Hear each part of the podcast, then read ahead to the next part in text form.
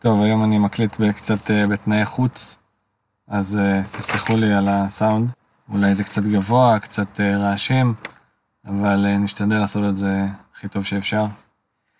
טוב, היום אני רוצה לדבר על למצוא הרחבות בתוך, בתוך צרות. על פי תורה של רבנו, בצר הרחבת לי. זה פסוק מתהילים שרבנו אומר עליו תורה, אז בואו נקרא את התורה. היינו, שגם אפילו בהצהרה בעצמה, השם ידבח מרחיב לנו. כי אם מסתכל האדם על חסדי השם, יראה שאפילו בעת שהשם ידבח מצר לו, גם בהצהרה בעצמה, השם ידבח מרחיב לו, ומגדיל חסדו עמו.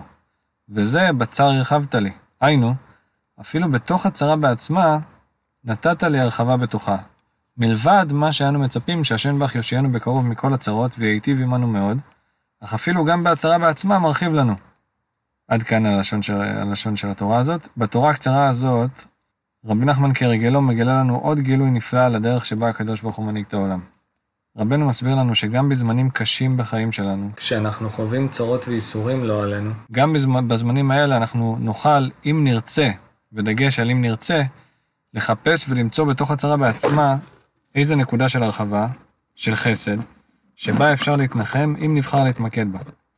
רבנו לא אומר לנו להתעלם מהצרות ולהעמיד פנים שהכל בסדר, או שהצרות בעצמן הן טובות, אלא שכשהקדוש ברוך הוא מצר לנו, הוא טומן בתוך הצרה בעצמה נקודות של הרחבה וחסד, שאם נחפש אותן ונתמקד בהן, נוכל להמשיך על עצמנו מידה מסוימת של נחמה שאנחנו כל כך זקוקים לה בשעת צער.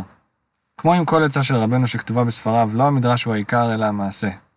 רבנו לא מלמד אותנו את התורה שלו כדי שנתפעל מהחוכמה שלו ושנגיד על כל מאמר שלו, וואו, איזה יופי, איזה רעיון נחמד, וואו, אין על, אין על רבי נחמן, אין עליו, חולה עליו, איזה צדיק מתוק.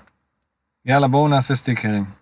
ממש לא, כל עצה של רבנו היא רפואה אמיתית ועמוקה לנפשות של כולנו, ולא אוסף של קלישאות. אז שנזכה בעזרת השם לקיים בתמימות ובפשטות את העצות, ושנזכה בקרוב ממש להיוושע מכל הצרות.